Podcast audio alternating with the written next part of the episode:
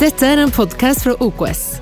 Så glad for at du lytter på oss i dag, og håper dette vil oppmuntre deg og styrke ditt trosliv. Nyt budskapet sammen med oss. Takk, Far i himmelen. Takk for ditt nærvær. Takk for din godhet. Takk for din nåde mot oss. Takk for at vi får lov å være dine barn. At vi får lov å feire gudstjeneste og vite at du forkaster oss ikke, du avviser ikke noen, men du lot alle som kalte på deg, du, dem ga du retten til å bli Guds barn. Takk for at vi står her med den verdigheten av å være sønner og døtre av den allmektige. Takk, Far i himmelen, for at det gjelder hver og en som er med, som sitter i stua, og som uh, følger med denne gudstjenesten, og alle andre som uh, ser det i løpet av de neste dagene. Takk, Herre, for at du har en hensikt for hvert menneske. Takk at ingen er oversett og glemt. Takk at ingen er forkasta og overlatt i et hjørne. Men du, Gud, du har ditt blikk på hvert individ, og hvert individ er så verdifullt at du ville gitt alt. Du ga ditt liv for hver og en av oss. Og om det så bare gjaldt én, så vet vi at du satte alt i bevegelse for å gi oss din fred, gi oss din rettferdighet, og at vi skulle kunne kalles Guds barn. For et mirakel, og for en fantastisk ting. I Jesu navn. Amen. Amen. Vel, da er vi her, og jeg skal si på starten av talen min her at uh, når uh, vi er i avslutningen av uh, denne gudstjenesten, så skal vi feire nattverd. Så det kan være greit hvis du ønsker å bare gjøre det klart der hjemme. Det holder å ha en Om det er et kneippbrød eller en loffbit eller en knekkebrød eller kjeks eller til nøds kan du ta pottegull. Det er helt innafor. Eh, og så kan gjøre klar eh, brød og drikke. Og så skal vi feire nattverd sammen her etterpå på den måten. Vel, tittelen den er jo avslørt, for den, den, står bak her. Så la meg gå rett på sak og lese første Korinterbrev, kapittel 4, og vers 8 og 9 først. Så skal vi lese et par vers til etterpå. Men det står Paulus driver og snakker til menigheten i Korint og sier Vi er alltid presset, men ikke knekket. Vi er rådville, men ikke rådløse. Forfulgt, men ikke forlatt. Slått ned, men ikke slått i hjel. Her er gode nyheter basert på disse versene. Det går an å leve under press uten å resignere. Det er mulig. Faktisk så er hele kapittelet til Paulus, her sånn 1. Korinterbrev 4, handler mye om det presset som han opplevde, og som de levde under. Det er et veldig ærlig brev som han skriver til korinterne. Og i mine forberedelser så, så tok egentlig budskapet en litt annen vending enn det jeg hadde planlagt. Og er, noen ganger kan det være tilfeldig, andre ganger kan det være at Den hellige ånd leder. Og jeg vet ikke om det kanskje er mennesker som akkurat nå lever og kjenner på et press. Det kan være press på alle mulige måter. Et press på tid, et press på å levere, et press overfor relasjoner, et press på å overleve, et press på det mentale, et press på det fysiske, et press på ditt åndelige liv. Kanskje er det en del som lever under et press av forventninger, et press av krav, og sjonglerer mange ting samtidig. Det kan være et press. Det er ikke noe løfte i Bibelen om at en troende skal få slippe å leve under press i dette livet. Som sagt, tvert imot, hele kapitlet handler om det. Men Guds ord gir oss alt vi behøver i kampen mot resignasjon. Når Paulus sier vi er presset, men ikke knekket, så antyder det også at det er faktisk mulig å knekke under press. Det går an. Det er et alternativ. Men Paulus sier at med det fundamentet, som vi straks skal også lese resten av, så er han presset, men ikke knekket. Han er under press, men ikke under resignasjon. Resignasjon det er Jeg prøvde å leite etter den beste liksom, hva, hva er den, en god spissformulering av hva resignasjon er. Dette er min, min eh, leksikon. Thomas Åleskjærs eh, reviderte leksikon. Resignasjon, det er den overgangen fra vilje til likegyldighet. Der hvor du har ønsket noe, og ønsket det kanskje sterkt, forsøkt noe, til og, og, så kanskje erfart press med det, til at det ikke lenger er noe press, for du bryr deg ikke. Det er resignasjon. Overgangen fra vilje til likegyldighet. Noen ganger er resignasjon nesten en fristelse. For det ligger en I å resignere i noe, så ligger det også en slags lettelse. Jeg har hver eh, vinter så er det sånn at der vi bor, så har vi to parkeringsplasser. Eller på to ulike steder. Og den ene parkeringsplassen den er vendt mot veien. Og kommunen de må selvfølgelig brøyte, brøyte veien på vinteren, og det, det, gjør de. Det er bare det at eh, noen av disse, disse her brøytemannskapet de har fått for seg at de skal bare bruke min parkeringsplass som et slags sånn oppsamlingssted for all snø som har falt i hele Rælingen kommune, og litt i nabokommunene. Så den liksom ender med et fortau der, der, de tar all snøen som de da har brøyta på fortauet og veien bort, og så er det et naturlig fint stoppested på min parkeringsplass. Så når vinteren kommer og det er snøfall, så går jeg ut med skuffa mi, og jeg jobber og tenker ja, ja, det er sunt med litt trening, sunt med litt bevegelse. Og så rydder jeg plassen eh, så godt som jeg bare kan.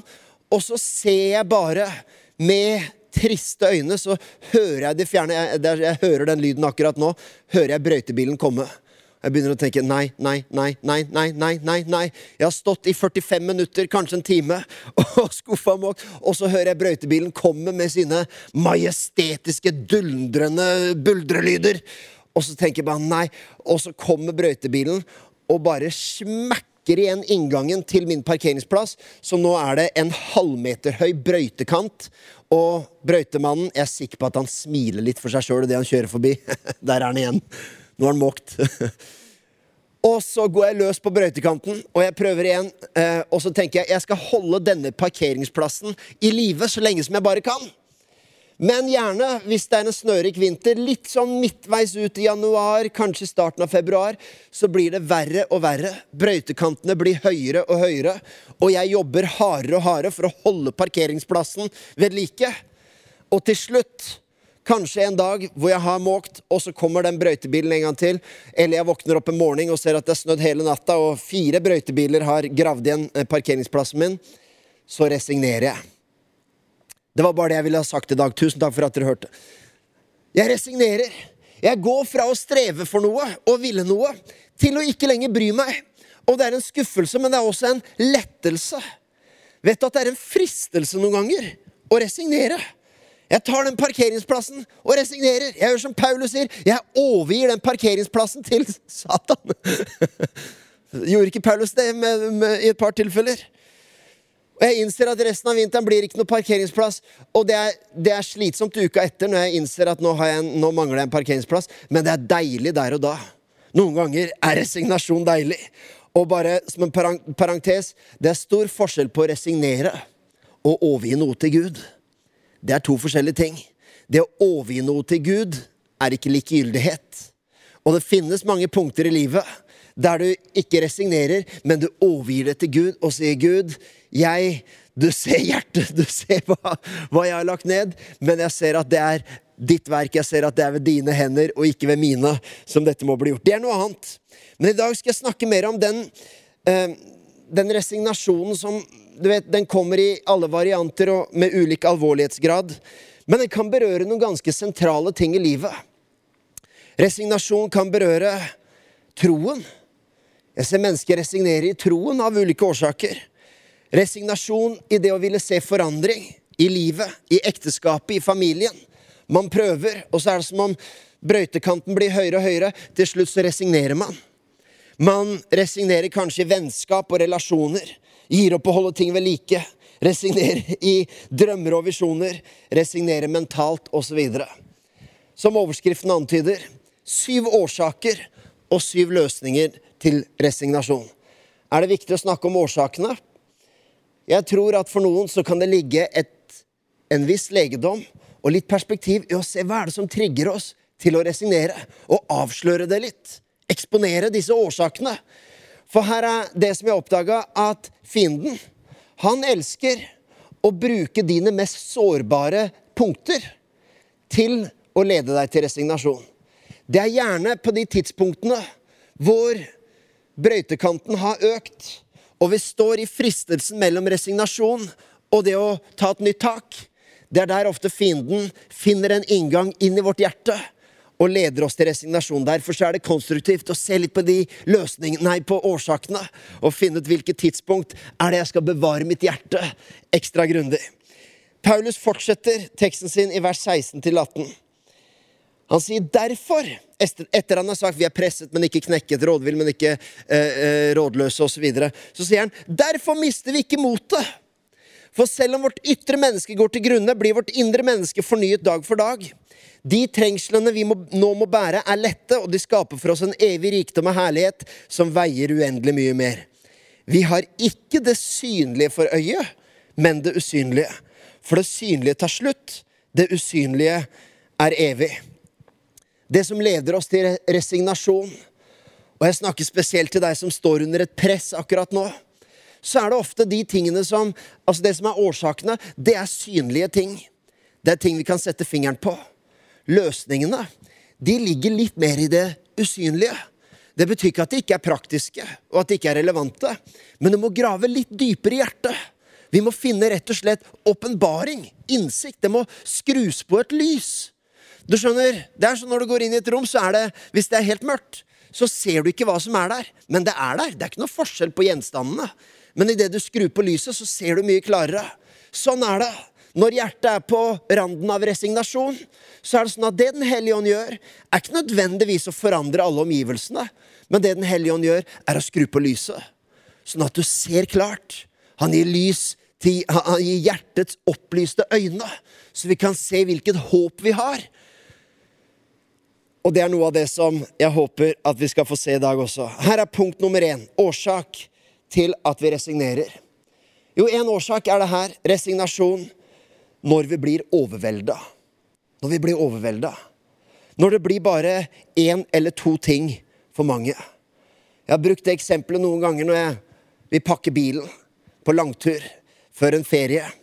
Og så skal vi stappe inn alle eh, kofferter i bagasjen. Og så eh, setter jeg min ære i å være flink på å pakke og gjøre det effektivt og plasseffektivt. og alt sånt, Inntil det er én koffert jeg ikke får plass til. Og det som skjer da, er at jeg blir ikke bare irritert på den ene kofferten, jeg blir irritert på alle.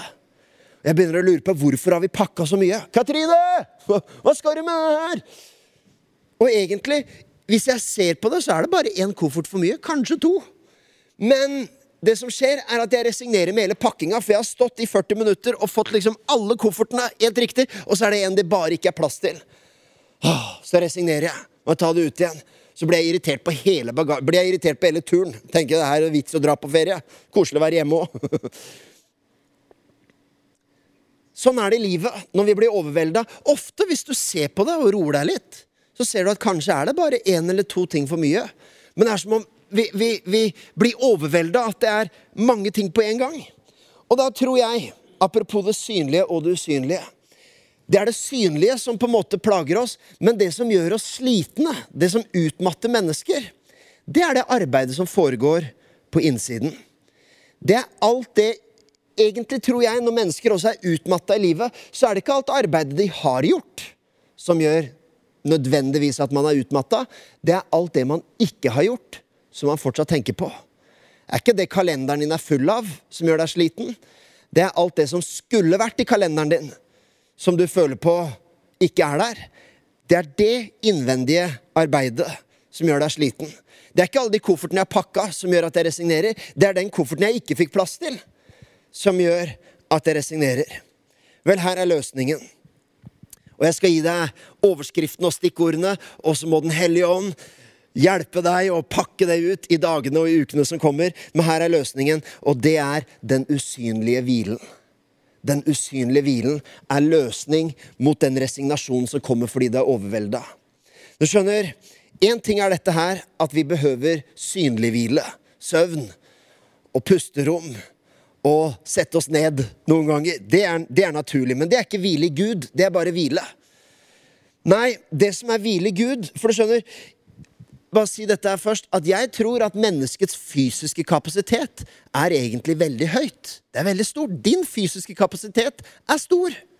Det er utrolig hva mennesker kan tåle fysisk. Man ser også når mennesker kommer under fysisk press, eller er på flukt, eller er i krisesituasjoner, så er det utrolig hvilken kapasitet fysisk mennesker har. Det som har en tendens til å lede mennesker til resignasjon, er den mentale utmattelsen. Du skjønner, hva vi kan orke, er veldig ubegrensa. Ikke helt ubegrensa, men ganske. Men hva vi kan tåle, ser noen ganger ut til å være mer skjørt. Og da finnes det i evangeliet en usynlig hvile. La meg lese for deg Hebrebrevet 4, vers 9-11. For her står det om at det fremdeles er en sabbatshvile i vente for Guds folk. Den som kommer inn til hans hvile, får hvile fra sine gjerninger, slik Gud hvilte fra sine. La oss derfor ivre etter å komme inn til denne hvilen. Hva handler dette verset om? Jo, det står om en sabbatshvile som er for oss, om at vi skal hvile slik Gud hvilte fra sine gjerninger. Når var det Gud hvilte fra sine gjerninger? Jo, det var når han gjorde skaperverket. Og det står at Gud hvilte på den syvende dag. Men hvorfor hvilte Gud? Hvilte Gud fordi han var sliten? Var han utmatta? Og tenkte åh, den skapergreia, altså, det tar jammen meg på, nå trenger jeg en lur. Nei, hvorfor hvilte Gud? Det står om at Gud hvilte, for han så på skaperverket og sa det er perfekt. Det er overmåte godt. Det er fullkomment. Vet du hva det peker frem mot? En som dør på et kors og roper ut når frelsesverket er fullbrakt, så sier han 'det er fullbrakt'. Vet du at der finnes det en sånn dyp hvile ikke bare fordi jeg får tid på sofaen, men en indre hvile ved at uansett hva jeg er overveldet av, uansett hva jeg ikke har fått plass til i kalenderen, uansett hva utilstrekkelighet jeg kjenner på, uansett hva jeg vet at jeg burde ha gjort og burde ha sagt og burde ha fått tid til, så er det sånn at jeg stopper opp, ser på korset, ser meg selv, ser på kalenderen min, ser på livet mitt, og så sier jeg, vet du hva? Det er fullbrakt. Det er overmåte godt. Det er mer enn godt nok. Så kan jeg gå tilbake og justere og jobbe videre på det fundamentet. Men det er en helt praktisk Det er, det er både en usynlig løsning, men det er også en praktisk løsning. Og det her, Vi har snakka litt, eh, litt om det de par siste ukene, om at ordet om korset var en søndag her hvor jeg hadde en preken som het 'Det idiotiske og provoserende korset'. Fordi korset er på en måte en øh, en metafysisk hendelse, det er en åndelig hendelse. Jesus dør på korset. Men det er også noe som berører oss veldig praktisk i hverdagen. Og her er min oppfordring for deg som er på randen av resignasjon fordi det er overvelda. Stopp opp! Betrakt korset. Hør på ordene fra Jesus. Se på livet ditt, og stopp opp et øyeblikk og se på alt, og erklær det er overmåte godt. Se på kofferten du ikke fikk plass til, og si det er fullbrakt. Det er ferdig. Det er ingenting i dette livet som kan ta fra meg kvalifikasjonen jeg har i Gud. Det er fullbrakt. Så vet jeg at man kan si men Thomas, hvordan hjelper det meg til å få plass til den ekstra kofferten? Hvordan hjelper det meg i min kalenderplanlegging? Vel, jeg tror at det hjelper oss veldig, veldig mye med tanke på hvilket fundament vi står på. For du kommer til å håndtere den kofferten som ikke du fikk plass til, mye, mye bedre. Og du kommer til å få mer kreativitet og mer styrke og mer overskudd og mer energi til å forvalte de tingene. Fordi du står på et fundament av at jeg har ingenting å bevise. Det er fullbrakt. Her er den andre årsaken til at vi resignerer. Resignasjon når vi ikke får det til. Jeg oppdaga dette her, og jeg, jeg, det er nok et par kjente eksempler som kommer i dag. Men helt tilbake da jeg jobba som lærer på skolen, så husker jeg når de fikk, eh, de fikk prøvene sine utdelt, prøveresultater, og så løper alle elevene rundt og sier 'Hva fikk du? Hva fikk du?' hva fikk du? Og så er det en som, eh, som fikk en ganske dårlig karakter. Og så sitter personen der, og, og de andre spør 'Ja, hva fikk du?' Og så sier han 'Samme det. Jeg driter i naturfag'. Og så har jeg prøvd å liksom, Dette er 20 år siden. Men den scenen husker jeg så godt. Hvor det var, det var på en måte noe som jeg innså. At, for jeg visste at den eleven, han dreit ikke i naturfag. Jeg vet at han brydde seg om hva han fikk. Men han hadde resignert pga. manglende mestringsfølelse. Og så så jeg det samme skjer med oss voksne. Bare på en enda mer finurlig, kamuflert måte. Men det er akkurat samme med en tolvåring og en 50-åring. Nemlig det her at det er lettere å si at jeg ikke bryr meg, enn å innrømme at jeg ikke fikk det til. Derfor resignerer vi. Det er lettere å resignere og være likegyldig enn å erkjenne at 'dette mestret jeg ikke'. Jeg har sett folk resignere i troen sin. Troen på Gud. pga. en følelse av at jeg var ikke en god nok kristen. De ville kanskje ikke bruke de ordene selv. Og fordi man kanskje ikke mestra det, så finner man også folk å anklage, og forklaringer og unnskyldninger, og man sammenligner seg med andre. Eh, men det leda til en resignasjon egentlig fordi man følte seg ukvalifisert. Man følte seg utilstrekkelig.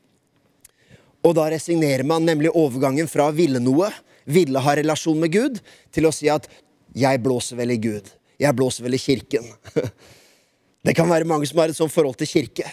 Man er likegyldig til kirken egentlig ikke fordi man er likegyldig, men fordi man på et eller annet tidspunkt ikke følte seg kvalifisert, enten av egne årsaker eller andre som, som ga deg, påførte deg den følelsen av å ikke være kvalifisert. Her er løsningen.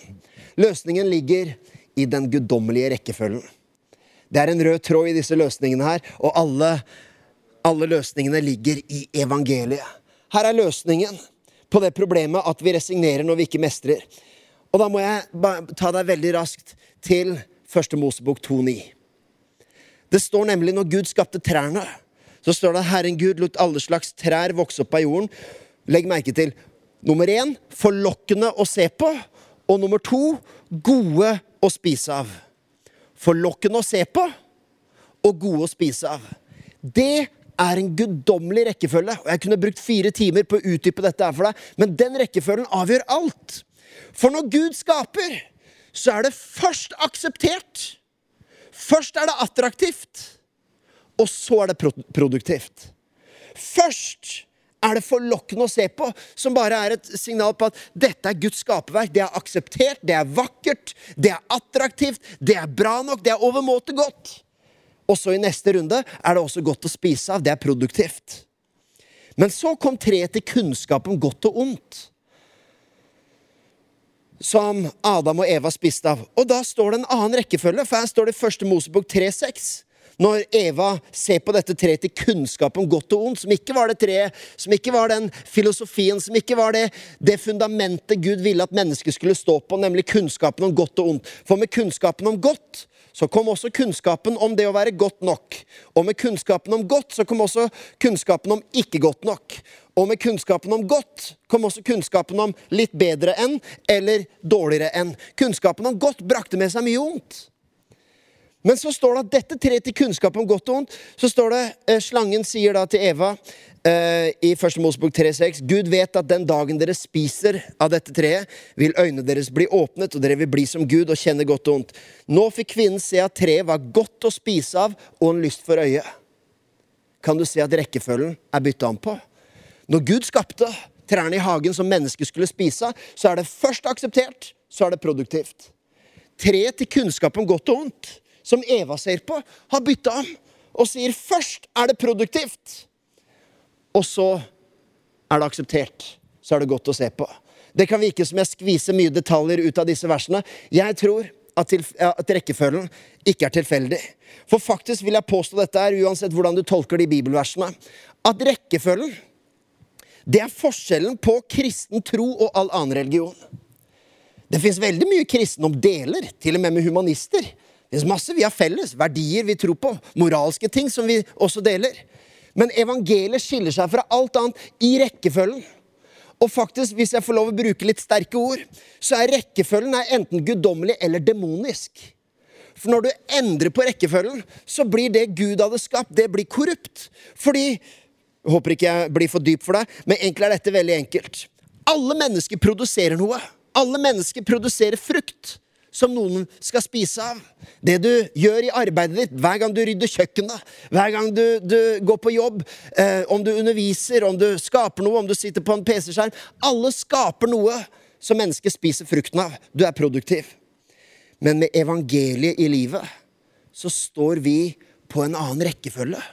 Vi står på et annet fundament. Tenk deg, du vet, Det er, det er tøffe dager for eh, det fotballaget jeg heier på i England. Og noen fryder seg over det, og det går bra. Eh, og noen eh, sørger sammen med meg. Men jeg har lagt merke til én ting. Det er interessant å se et fotballag som allerede har vunnet. Og måten de spiller på, måten de går ut på banen. Du kan se et lag som har tapt mange kamper. Så ser du at det påvirker liksom selvtilliten. Begge lag skal spille en kamp. Så det er ikke noe forskjell på det. De har 90 minutter hver seg. Det er bare at det ene laget spiller på et annet fundament, for de har så mye å bevise. De er på etterskudd. De vet at skal de ha noen sjanse på premien, så har vi masse å ta inn. Og vi må vinne, ellers så blir gapet bare enda større. Mens et lag For på slutten av sesongen så hender det du får en sånn situasjon der et lag har vunnet ligatittelen, sånn som Bodø-Glimt i den norske eliteserien i år. Eh, så har de vunnet tittelen, men de har fortsatt noen kamper igjen, så de kan gå ut på banen og vite at de har allerede ligatittelen i boks. Og er, jeg syns det er interessant å se måten lag spiller på da. Det kan hende noen av og til slipper seg litt ned og blir litt, uh, litt, mindre intensive i sitt spill. Men samtidig så ser du også at det er en selvtillit og en ro over det. De har ikke så mye å bevise. De spiller for spillet. De spiller ikke for å desperasjon etter å ta igjen noe. Og Jeg beklager at nok en søndag måtte passere med et fotballeksempel. Jeg ber om tilgivelse for det og, og håper at du vil meg, vise meg nåde. Men det er interessant at det er akkurat dette som skjer i livet med tanke på hvilket fundament vi står på. Når vi står på fundamentet av å ha noe å bevise, når vi står på fundamentet av at det er noe jeg ikke mestrer, det er noe jeg ikke har fått til, jeg må vise at jeg kan mestre. Jeg vet at i livet så hender det at vi, vi enten vi er i et jobbintervju eller lev, leverer en eksamen, så er det noe vi må bevise. Men jeg snakker om det store. vet Vi har det ikke det synlige, men det usynlige for øyet. Og her er det nydelig med evangeliet. Tilbake til budskapet om at det er fullbrakt. Det er ferdig.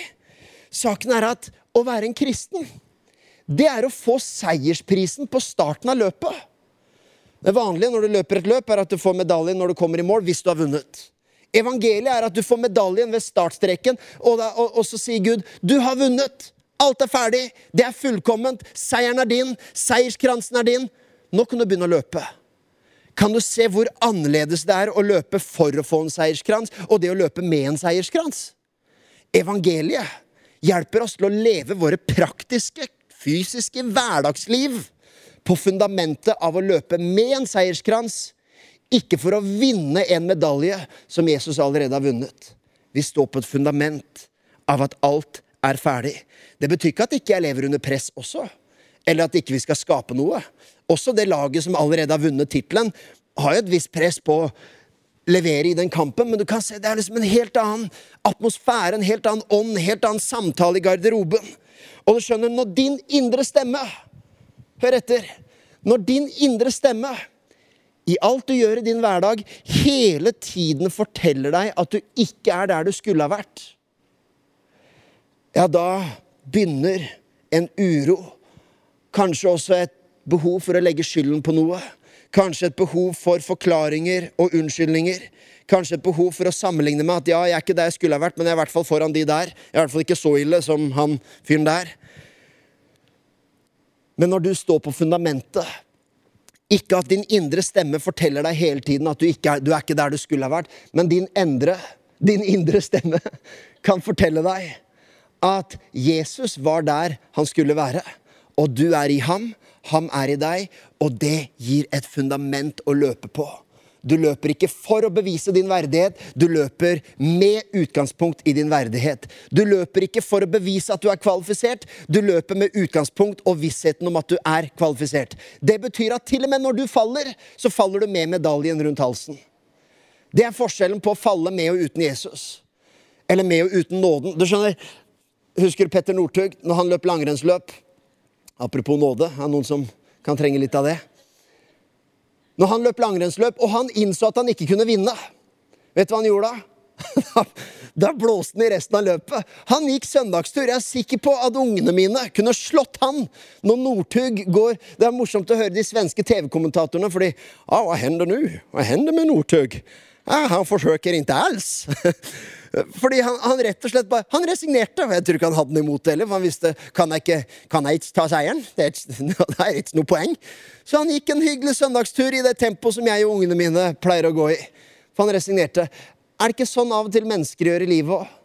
Når de innser at ah, jeg klarer ikke å slå de uansett. Jeg sammenligner meg med de, og jeg, jeg, jeg, jeg kom så langt på etterskudd uansett. Jeg snubla der i karrieren min, jeg snubla der i mitt åndelige liv. Jeg snubla der på det området, jeg snubla der.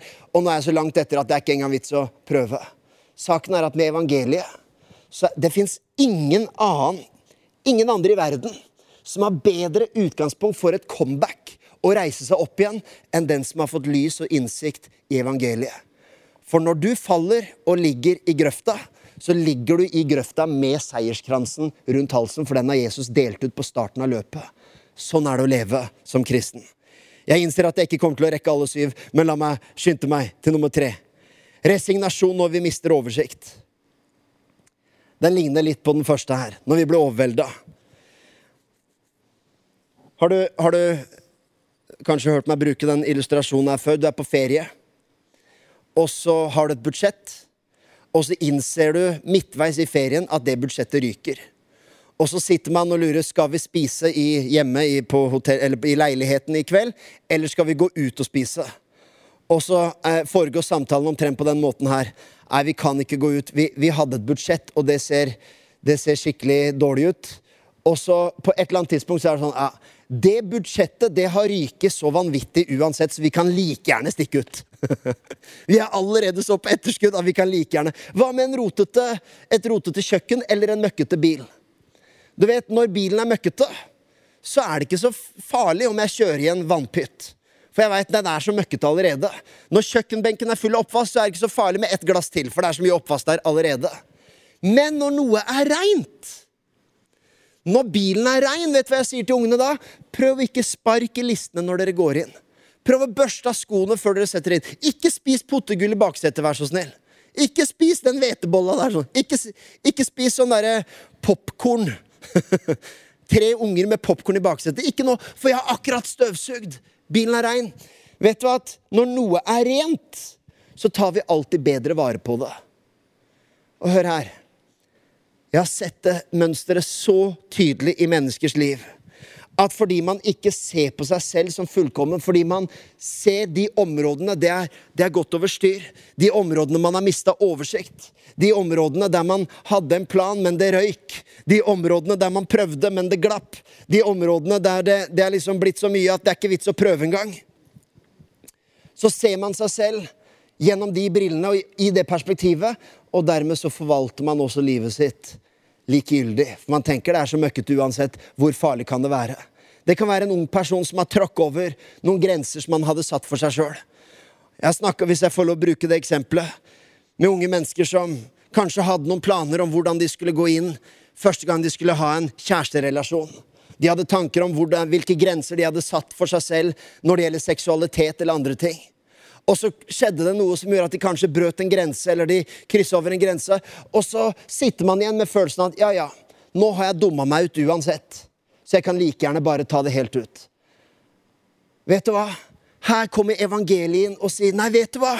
I Jesus Kristus, Romerbrevet 5.1, har vi blitt rettferdige ved tro.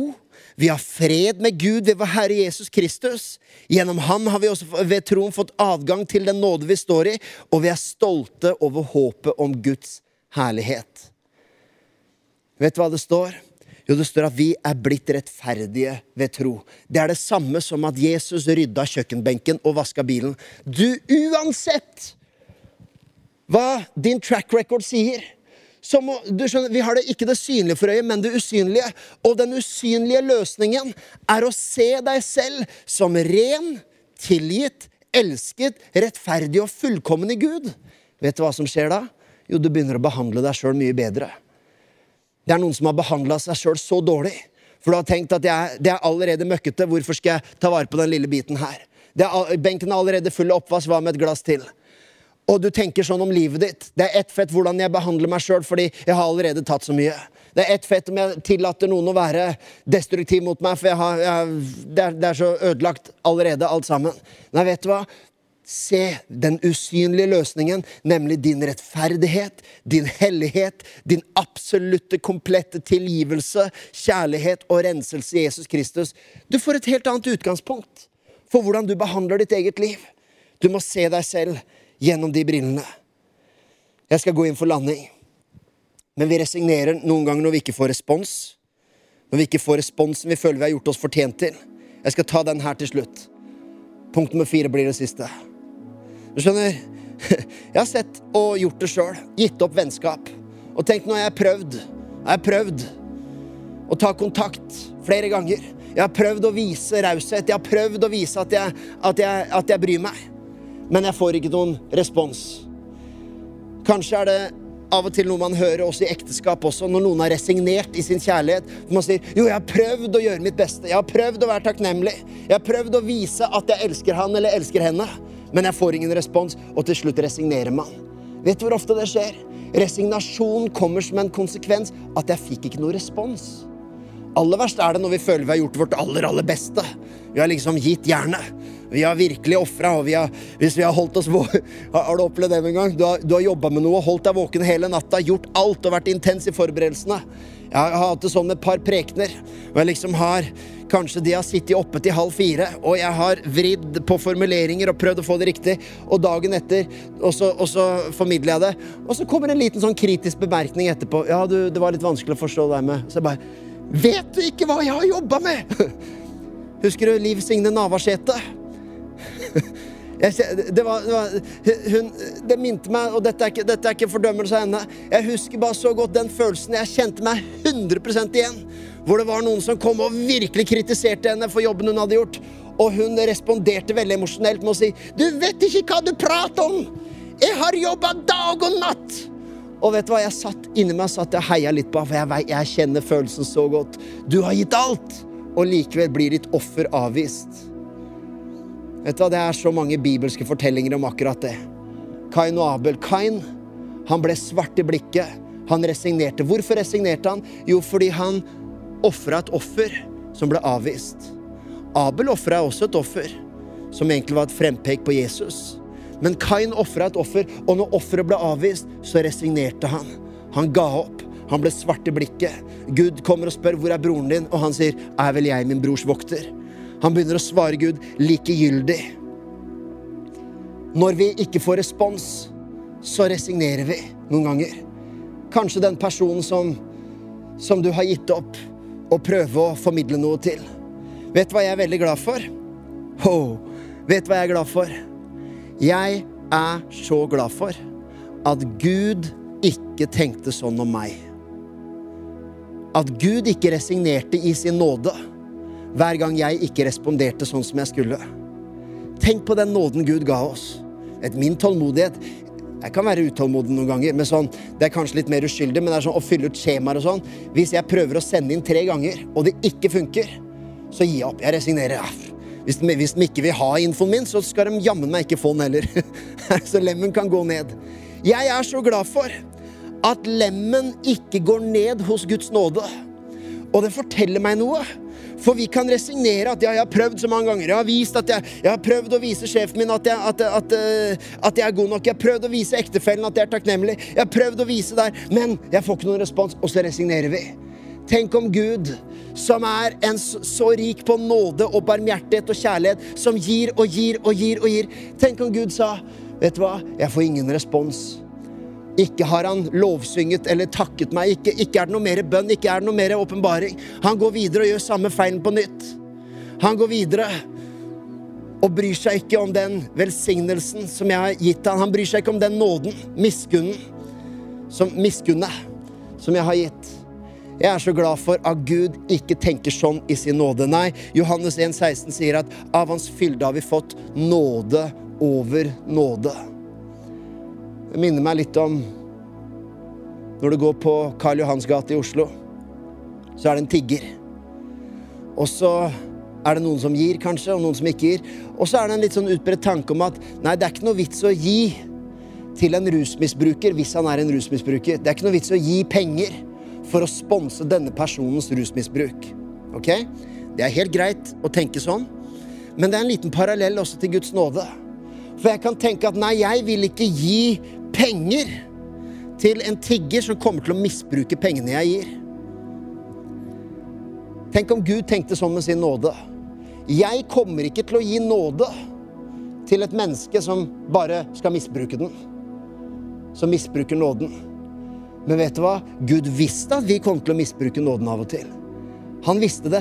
Løsningen når du resignerer fordi du ikke har fått respons, løsningen er å feste blikket på han som bor i deg, han som vi blir mer lik, han som vi har hans natur i oss, han som vi ligner på egentlig, når vi legger av oss kjøttet og utålmodigheten og vårt eget, og blir mer lik han og tar på oss hans natur og hans vesen og hans væremåte og ser til hans kjærlighet, ja, vet du hva?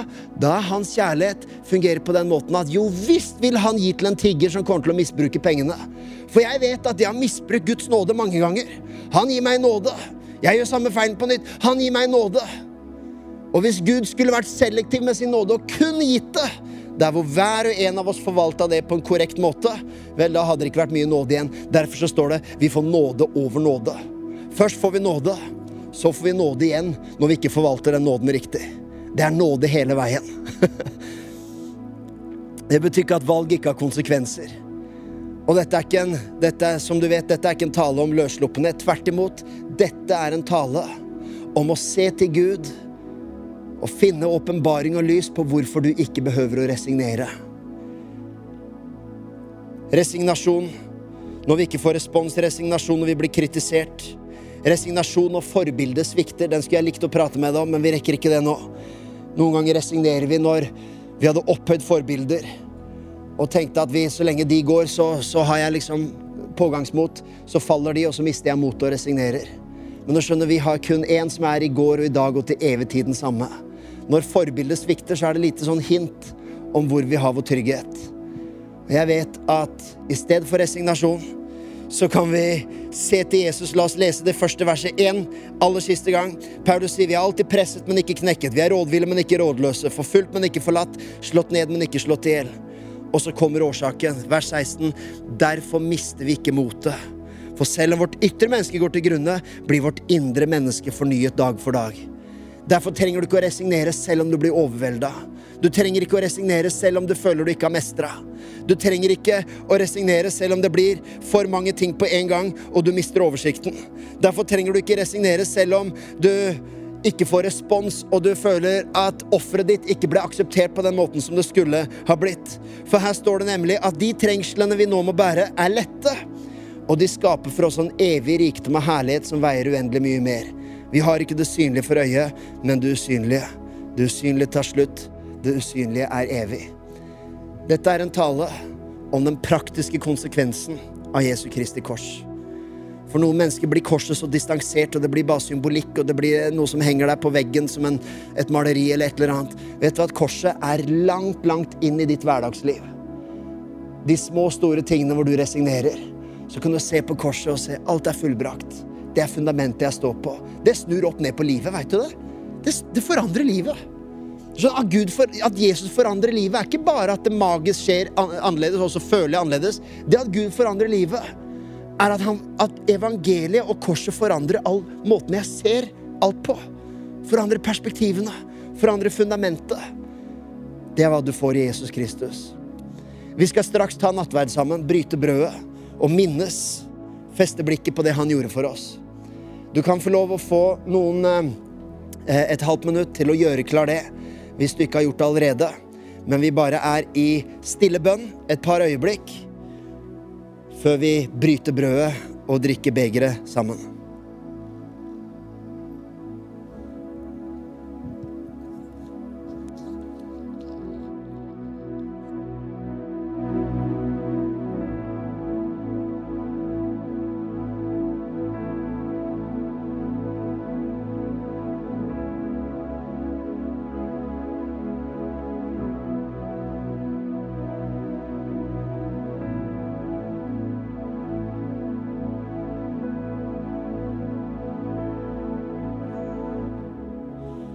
Vet eh, Til deg som er på randen av resignasjon, eller har resignert, kanskje på ett område eller flere, eller litt sånn generelt.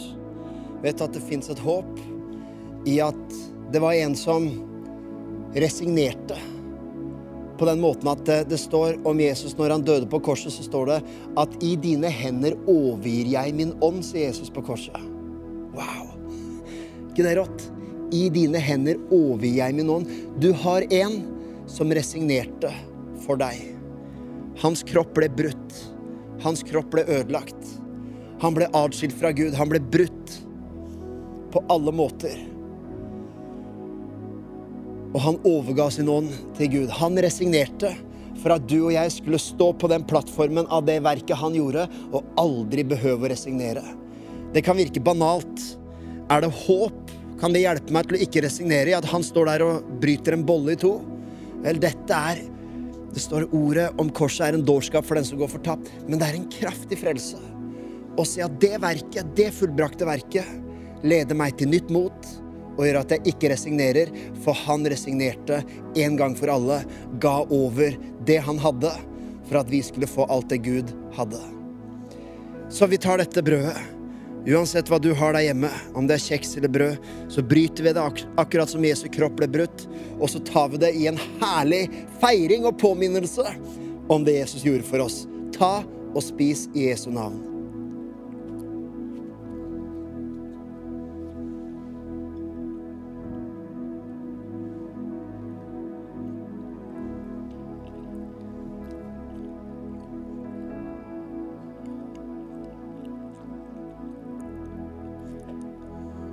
Så tar vi begeret som peker på Jesu blod, som rant for vår skyld. La oss ta det sammen i Jesu navn. Dette er påminnelsen om at livet ditt er ikke som en møkkete bil eller en rotete kjøkkenbenk. Nei, det er fullkomment helliget og renset i Jesu navn på grunn av at Jesu blod gjorde det for oss. Det betyr at du kan se livet annerledes. Behandle deg selv med verdighet. La andre behandle deg med verdighet fordi du har verdighet i det Jesus gjorde for deg.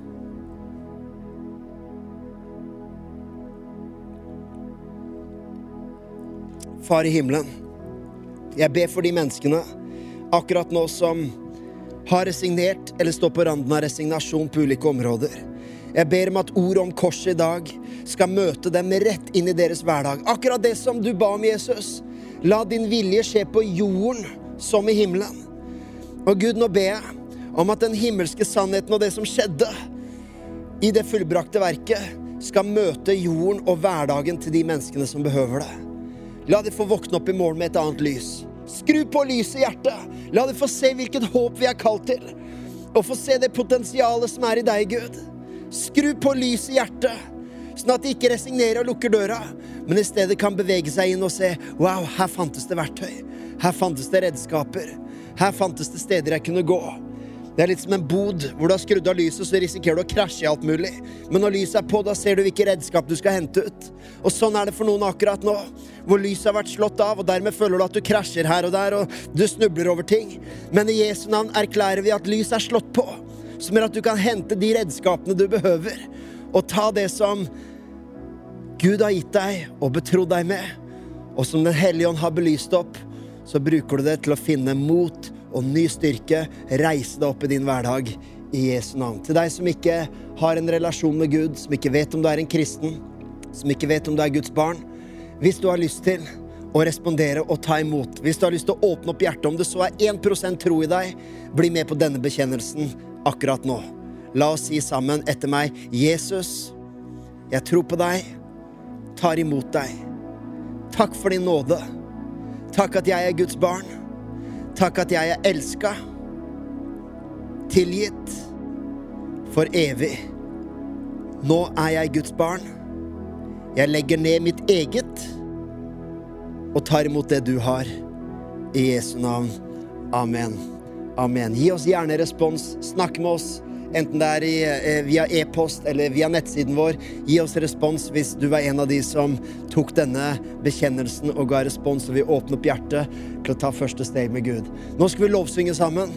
Gjør det av hele hjertet. Om ikke du er velsigna av det du har hørt, så er i hvert fall jeg velsigna og oppbygd i uka jeg går inn i. Vite hva jeg har. Vite at jeg har en fullkommen frelse. Jeg er rettferdig. Jeg kan se på livet mitt med det fundamentet. Jeg har en hvile. Jeg trenger ikke å tenke på all min utilstrekkelighet. Jeg kan stå på fundamentet av min tilstrekkelighet. Så kan jeg gå i gang og løpe mitt løp. Jeg løper mitt løp med medaljen jeg fikk på starten av løpet. Så vær velsigna i uka som kommer, og ha en fortreffelig, nydelig dag i vinterværet noen dager til. I Jesu navn. Takk for at du tok deg tid til å lytte på en av våre podcaster fra OKS. Vår visjon er å bringe Jesus til mennesker i vår verden, og mennesker i vår verden til Jesus. Følg oss ellers på vår YouTube-kanal og sosiale medier. Du er velkommen til å besøke en av våre kirker. For mer informasjon, sjekk ut oks.no.